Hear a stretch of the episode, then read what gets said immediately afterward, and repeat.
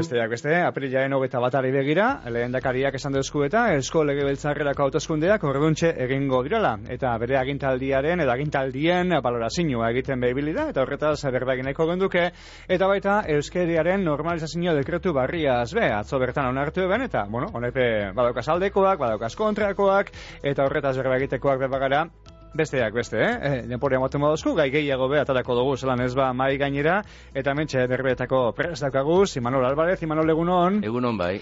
Ainua Txaide, Ainua, apagunon. Egunon. Eta miren Josuna Aristondo, Egunon Zuribe. Egunon Zuribe. Bueno, azteko bentza, eta peilean hogeta bat horretxe daukagu, data hori horretxe daukagu, lehen dakariak atzo iragarri ebana, ez dakit buruan ez edo zer daukazuen, edo, bueno, egia esan, eh, buruan eukibage unkan gitxigura bera fetxa hau, ez da, Imanol?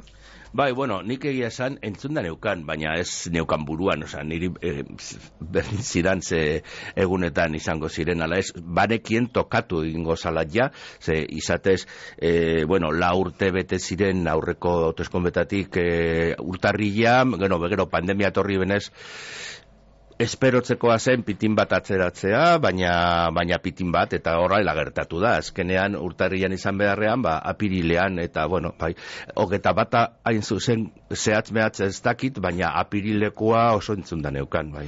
Eta Europako ekin bat ez egiteaz eginda berba, eta besteak beste lehendakariak esan da, ba, bueno, ba, bertoko gai ez berba egiteko, ba, oba, e, tala orain egitea. Bai. Bai, baina nik uste dut, eh, hainbeste hautezkunde egiten direla, kasi hautezkunde bakoitzarako bere espazio propioa ziurtatzea geroz eta saiagoa dela, porque espada batekin bestearekin egiten da, eta barrez. Niri burura etorri zitzaidan e, gauza eta esango dira zute oso esto, baina da aurten aberri eguna inoiz maz baino partidistagoa izango dala, ez? Porque kampainan, kampainan bagaude, osea hori argi zegoen, data jarria data noizen, baina gutxi gora bera, hauteskundeak noiz izango ziren jakina san eta bueno ba sidadia leia hauteskunde gustatzen zaien eh zaien entzat ba. Mire, bai eh bai bueno ator hauteskunde asko egiten gabiltza baina edo gabiltza edo gabiltza edo baina danak bat eta bakarra balditzaz bezala ikusten dugu ia hau bintzat desberdinetan gure artean eta egia da orain arte E, nik uste dut, e, politikan dabiltzan buruzari guztiek saldu da bela, ba, nahiko leukiela hemengo gaian gainean izatea eztabaidak eta bar. Eta berri eguna dinoso hainoa, eta ez dakipa berri eguna alderdi bakotxa bere alderdiaren egingo da, baina zenbat alderdi ospatzen da bena berri eguna ikusi beharko litzake. e, zenbat autagai daukaguz, e, bat bi iru lau bosei, izango dira, eta nik esango neuke zeiren artean bi izango dira la aspaldian bintzatola segertatzen da aberri eguna ospatuko da benak, beraz e, horrere dualitate tigorako gauzarik ez da, ez da izango. Bere, esan, esan, bai, bai, bai. E, e, orain, e, josunek esan dagoarekin ez horrekin ez, eta da, Ez dakit nola irakurri gaur e, estatu mailako medioetan ez dagoela albistea. Ez dutela lendakariak e, hauteskundeak deitu dituela iragarri, ader suerte bizka daukagun eta ez diren estatu mailako hoi hartzunakin. Eh. Taldeko zeiterritar izan zan iragarri. Bai, bai, bai. Eta Sobera neukien. Beste garai batean ez, bai, bai. izango litzateke, baina ez dakit horrek zerbait esan nahi duen, baina argi dago. Ba, beitu, ez dut jakin eta ez dut pentsatu, orain bote prontoan etorri zaidana burura izan daitekela e, medio gehien gehienak badakigula e, noren esku daudela, e, badakigunez, noren esku dauden, ba, orduan, pentsatzen du nik agian, ezagera interesatzen gehiagi horretaz hitz egitea, badakitelako hemen ez dela gertatuko Galizian gertatutakoa. Eta orduan, Galiziako hauteskunden emaitzei, kristolako oiartzuna eman dieten bezalaxe, ba, nik uste dut, e, hemengo egi saiatuko direla, alik eta txikien, Hombre, informatu beharko dute, derrigor, baina nik uste dut oso neurri txikiagoan egingo dutela.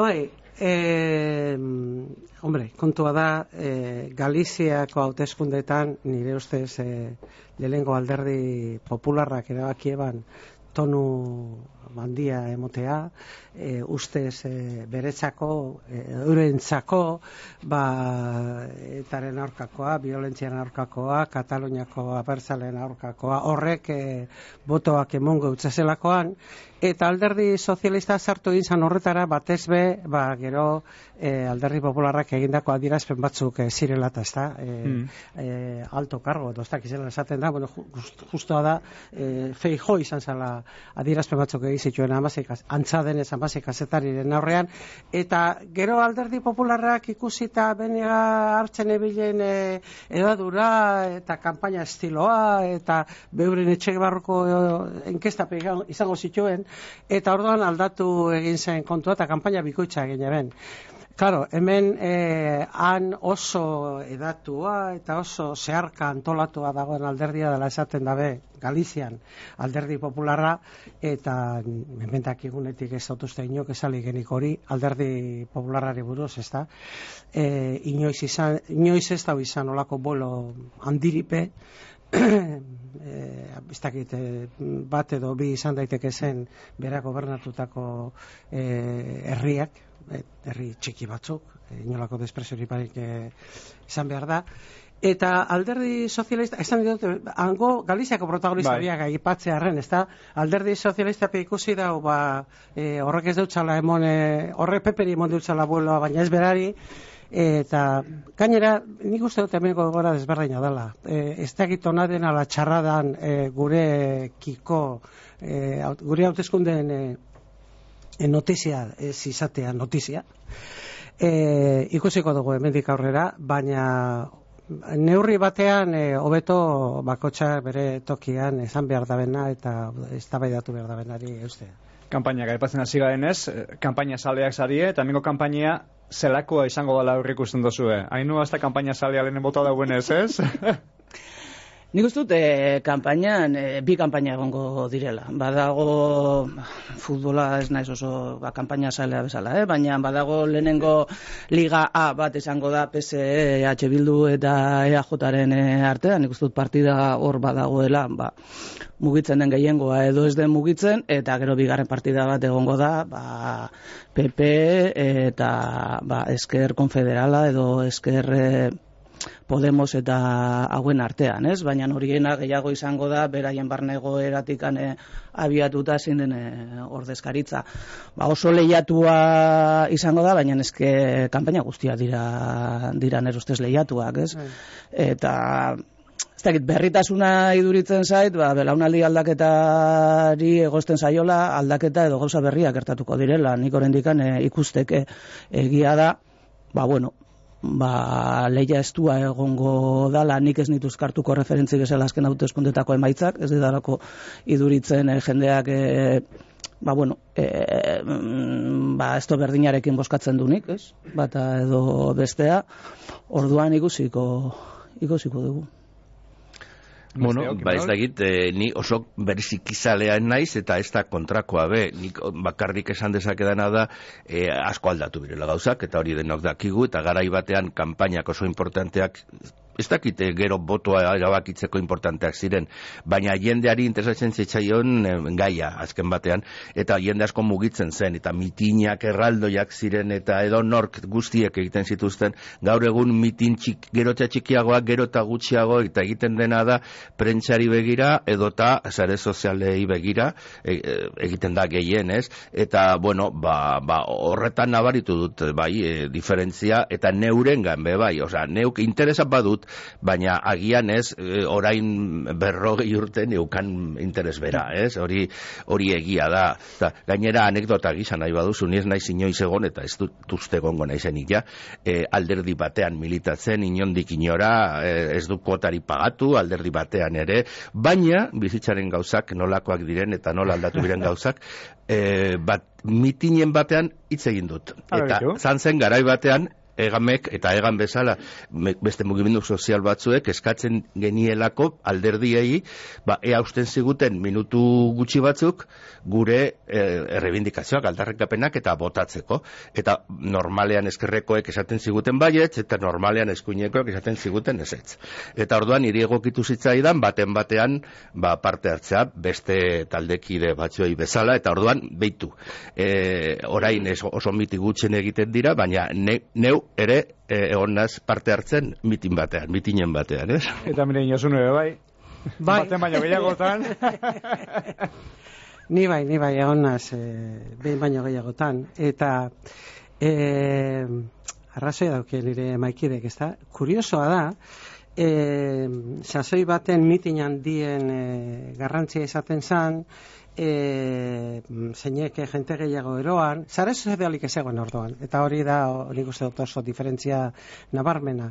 Eta ostera orduan, e, ez zen izaten erabakigarria mitinen e, kontua.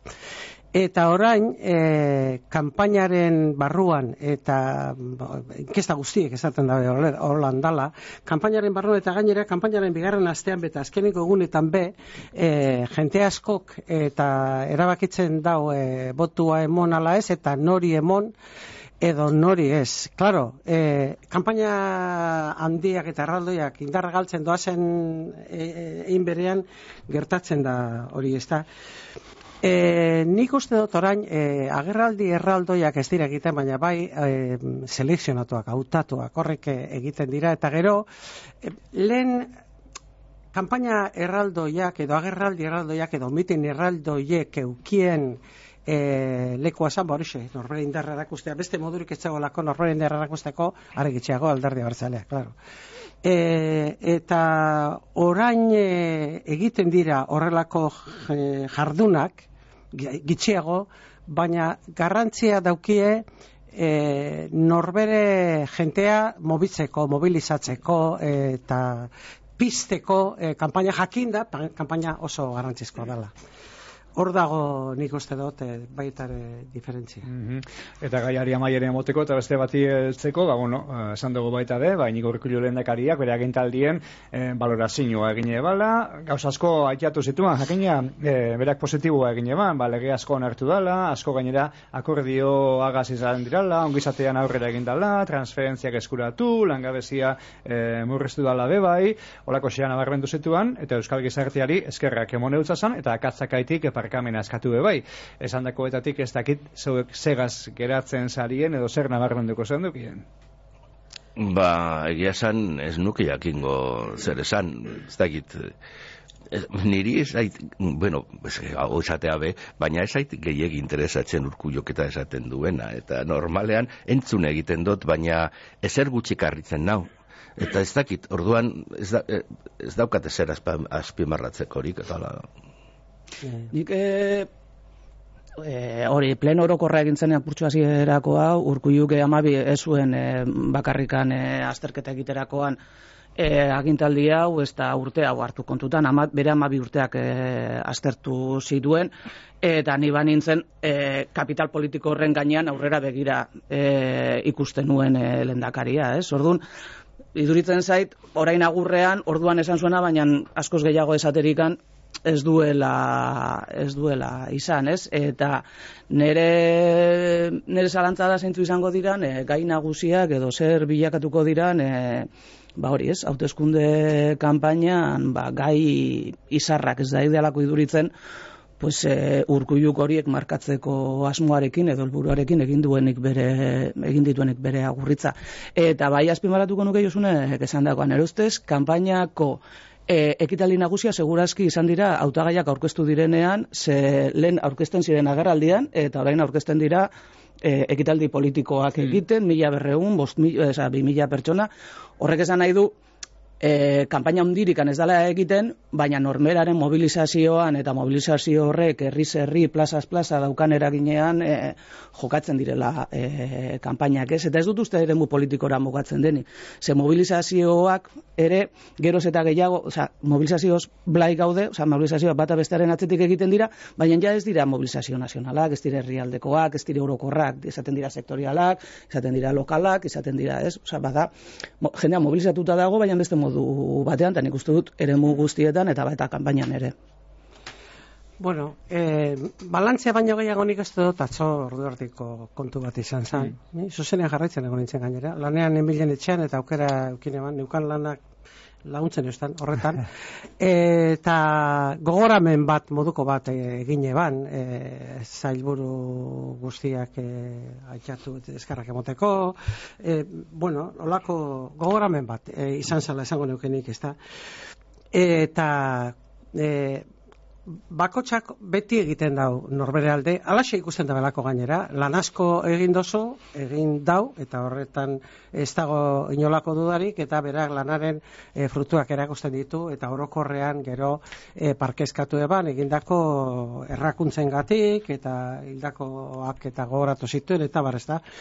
Hor oso importantea da, e, pentsat, norberekiko lehiale izan eta guzorrek ez esatea. Eta hau dinot, labur izango dutxuet, baina atzo gauean, eneko handueza entzuten egon nintzen e, kate Espainiako kate irrati batean. Eta berak e, esaten eban e, alderdi sozialistak eutxi deutza, are balantzea egiten zuen. Ordu erdiko elkarrizketa bat zan, eta e, geuke utzi deutzagu gobernuari, eta osakidetzan arazoa tagoz, geuk sortu genduen arazo, e, arazo ez, osakidetza, geuk eroan genduen gailurrera Patxi López eta Rafa Bengoarekin osakidetza, eta hori amaitu eskero gain bera doa osakidetza. A ber, e, inok sinisten da hori, e, eske, a ber, e, guzurrak esateko modua peuki egin behar dira, ez da. Orduan, nik uste dut, e, ondo dagoela norberak egindakoa esatea ba, enplegua hobeto doa eta enplegu zaila gehiago euki dugu. Bere buru aldarrekatu behar duenak hori izan egin behar da, baina kontxo. Sinustu ez egiteko moduko guzurrik ez esatea eskertzen da. Ze, bestela, irribarrea ateratzen jaku entzule hori, ezta. Problema da, baten batek sinisten badio, orduan hasten dira kontuak, ez? Ez dakit, eta batzuk... Eta eh, gainera zen eban, laurteko, laurteko epean, eta Patxi López esan behar da, ez zala izan lehendakari laurte. Irurte garrenean, basagoitik esan eutzon, ni banoa, esaitu gehiago babestoko, eta horrengo gunea, otezkonda ditu zitu. Irurte izan zen aztertzeko dena dela, e, esko, eskontza horre luzerako doa, eskontzarren araguak aztertzekoak dira, eh? Bai, bai, Porque bai. leialtasuna peseren aldetikan, ene bada. Bai, bai. Bueno, emongo dago gaiak eta aztertuko dugu aurrera begira makina bat bider gainera, baina bueno, beste konture mapatarako dugu mai gainera, euskariaren normalizazio dekretua, atzo bertan onartu dena, e, malguagoa, sektore publiko osoa eragingo dautzana, oposizioak euskara egiteko aukeri amongo dutzia administrazioei, idatzizko eta osko mailak bereiztuko dira, gauz asko daukaz egia esan, eh? Eta bueno, ba, batzuk alde, eta beste batzuk kontra, da entzuten gabiz baita be, ez tekiz hau esan ikusten dozuen hau e, dekretu barri hau. Nik irakurri nuenean nahiko sentsazio gazi goxoak izan nituen, jen suposatzen dut euskalgintzako gehienek bezala, ez? E, eta geratu nintzen bizkat zain, aber, adituago diren horiek zer zioten, e, eta gutxi gora bera bat, etorri dira gehienak, e, nik pentsatu nuen arekin, ez? Nik adibidez, ba, bueno, positiboarekin hasita, ba, nik ikusi nuen, bilatu dala ziurtasun juridiko handiagoa. Bueno, printzipioz horrek ematen du positiboa dela, eta, ba, bueno, ondo, ziurtasun juridikoa behar da, ikusi dugu, zelako darraldi judiziala izan dugun Espainiako hainbat epaileren aldetik, ba, ba, zerbait egin behar da, ondo. Ka, gertatzen dena da, agian, horren mesedetan, bueno, ez dakit mesedetan edo pentsutan edo zertan, e, igual, ausardia pizka bat e, edo nahiko galdu egin dala, ez? Galzo batzuk gelditu birea gelditu birela bidean, beldur horregatik, ez? Hau izan behar da, e, uki ezina, ez? Bueno, vale. E, gero, ba, esparru sektore publiko osora zabalduko dela, holan irakurrita, horrek ere ematen du positiboa dala. Baina, klaro, horren atzean ere, gero, azten gara salboespenekin, eta ertzantza, osakidetza, justizia, eta ez dakiz, hori, e, bi mila hogeta amairuan, ez dakit, bueno, ez dakit horren beste urte atzeratuko da.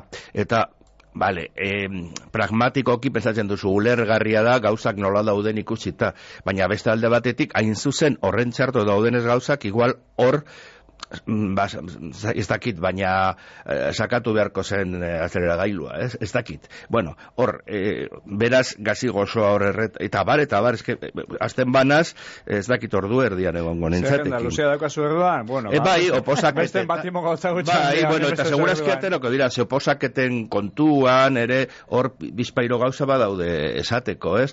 Alde batetik, bueno, esaten dute, e, euskerazko plaza baterako bada, ez, e, azterketaren zati bat behintzat euskeraz izan behar dala. Bueno, ondo dago, nik ez dut ulertzen zergatik ez den osoa, baina, bueno, bale, ados, e, ez gustatzen hori, baina tira ados. Gero komentatzen da, azterketan bertan erakusten bada zure euskera maila eskatzen dena dala, ba horrek ja automatikoki ziurtatzen duela eta Da, horrek ere alde positiboa izan dezake, baina oso arriskutsua da, ze orain eh, niri hori irakurtzean etorri zitzaidan burura nola egin zen, eta teorian eta paperearen gainean oso ondo dago, e, ba, batxillergoa eta maitutakoan, ja automatikoki B bi daukazu. Mm, bai. Eta uni, karrera bat e, osorik egiten baduzu euskera automatikoki ze bat.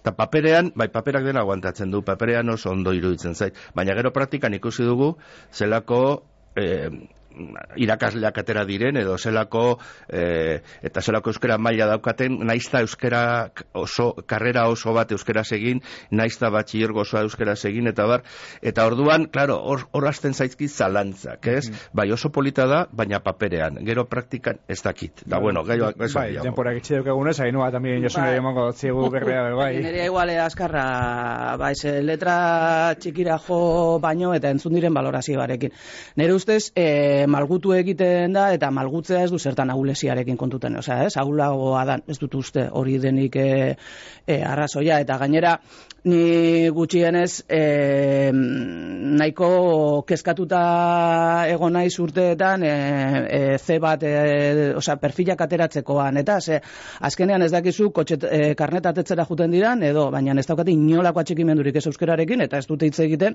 ez sartzen direnean ez ateratzen zirenean beraz ba bueno badago perfilera eta ez dakizan ne ustez klabea da hau oldartze e, baten aurrean egin dela eta judizializazioaren aurrean. Ordun, gaurkotzeari baino gehiago erantzuten dio horri. Ez? E, babesten dugun eta eta ikusten ari garena da euskera eskakizuna desagertarazi nahi duenarentzat hau gehiagizkoa dela eta beraz gatazka jarraituko duela. Orduan, desde logo, gatazka kontua da orduan.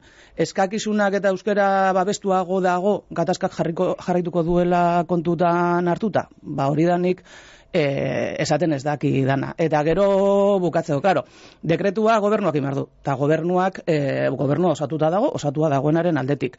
Baina euskeraren babesa alderdia bertzalen eskutik ez etortzea, eta etortzea pesoeren eskutik zeinak nik zakize interes daukan babestean, eta bai kontrakoan, ba horre ere iduritzen zait, pues, e, badagoela zer aztertu da, eta bukatzeko iduritzen zait euskerak baduela behar eta premia nagusi bat eta da prestigioa irabazi behar duela, balioa irabazi behar duela bai lan munduan eta bai gizartean. Eta bagabiltza Or, o sea, ez dugu sekulan e, arazo eta lizkarra guetatik ateratzen. Orduan, ba, nik ez dakit balioko duen. Lehen josune? Bai, e, hemen gauzasko aitatu dira, ez da. E, atzeko zaurrera zita, e, hainoa, alderdi sozialista isil-isilitago nik esango neko bakarra dala inolako iritsiri bota ez da bena dekretuaren gainean. Zer zergatik izango da, gobernuko kide izan da. Bat, bigarrena, e, aspaldikoa da e, prozesu hau, ze erakunde askorekin itzegin behar izan da, eta bar, eta prozesu aurrera doala eta berseño bat egoala, etorri dira oldarraldia korre, oldarraldia horregon bada be, etorri da horren materializazioa bidera, ez da, beraz, ez neuke esango oldarraldiari erantzuteko egindana plana, baina bai berseinoak aldatu direla segurtasun juridikoa eukiteko. Baina e, argumentu nagusia eta moldaketak egiteko eta aldaketak egiteko argumentu nagusia izan da, orain hogeita zazpi urte euskeraren ezagutza zan erronka nagusia, oso itxi ginen, oraingo egoeragaz konparauta euskaldunak ginenok, e, gainera justo dekretu hori izanean egon nintzen izkuntza boletegarako helburu ordea, kasualidadea. Eta ostera, e, ez, e, politika e, ez da zientzia da, batzu bai eta besteak ez da, baina behintzat, disiplina moduan esperimentala da. Ta ikusi dana da, e, erronka nagusia erabilera dala ja, e, ikastea eta jakitea baztertu barik. Eta erabiltzeko malgutu behar dira hizkuntzeskakizunak hori da printzipala. Zergatik, ba, ikastola baten edo ikastetxe baten dagoen jantokiko laguntzaileak umeekin gaztetxoekin hitz egiteko e, ega behar dau, ala euskeraz barra-barra egiteko kapazidadea behar da, ez dagoz e, bata bestearekin, ez dagoz e, aserre, baina bat, e, nik uste dut, malkuk eta kortik etorri dira, eta hori erabileraren zako e, ona izango dela, ez da. E, eta gero, erakunde neuren esku dago, azterketena esan dozuna zu, kesati bat egin, egin daitekela euskeraz, erakundeen eskura geratzen da nola antolatu e, ikasketak, edo azterketak. Eta esaten da, erakundeak erabaki leike ahalean jartzen da, azterketa egin euskeraz, ala ez. Orduan, hemen erakunde asko dago, udaletatik hasi eta jorralitzar arte bitartean erakunde asko dago, eta bakotsak eh, erabakiko dago. Bada, bueno, denpore, amaitu jako bai, miren, Josune, Ainoa eta Imanol, eskerrik asko etorte gaitik eta ausnarketa honek egitea gaitik. Gurren gore ba, arte. Ba, zue, esker, bai.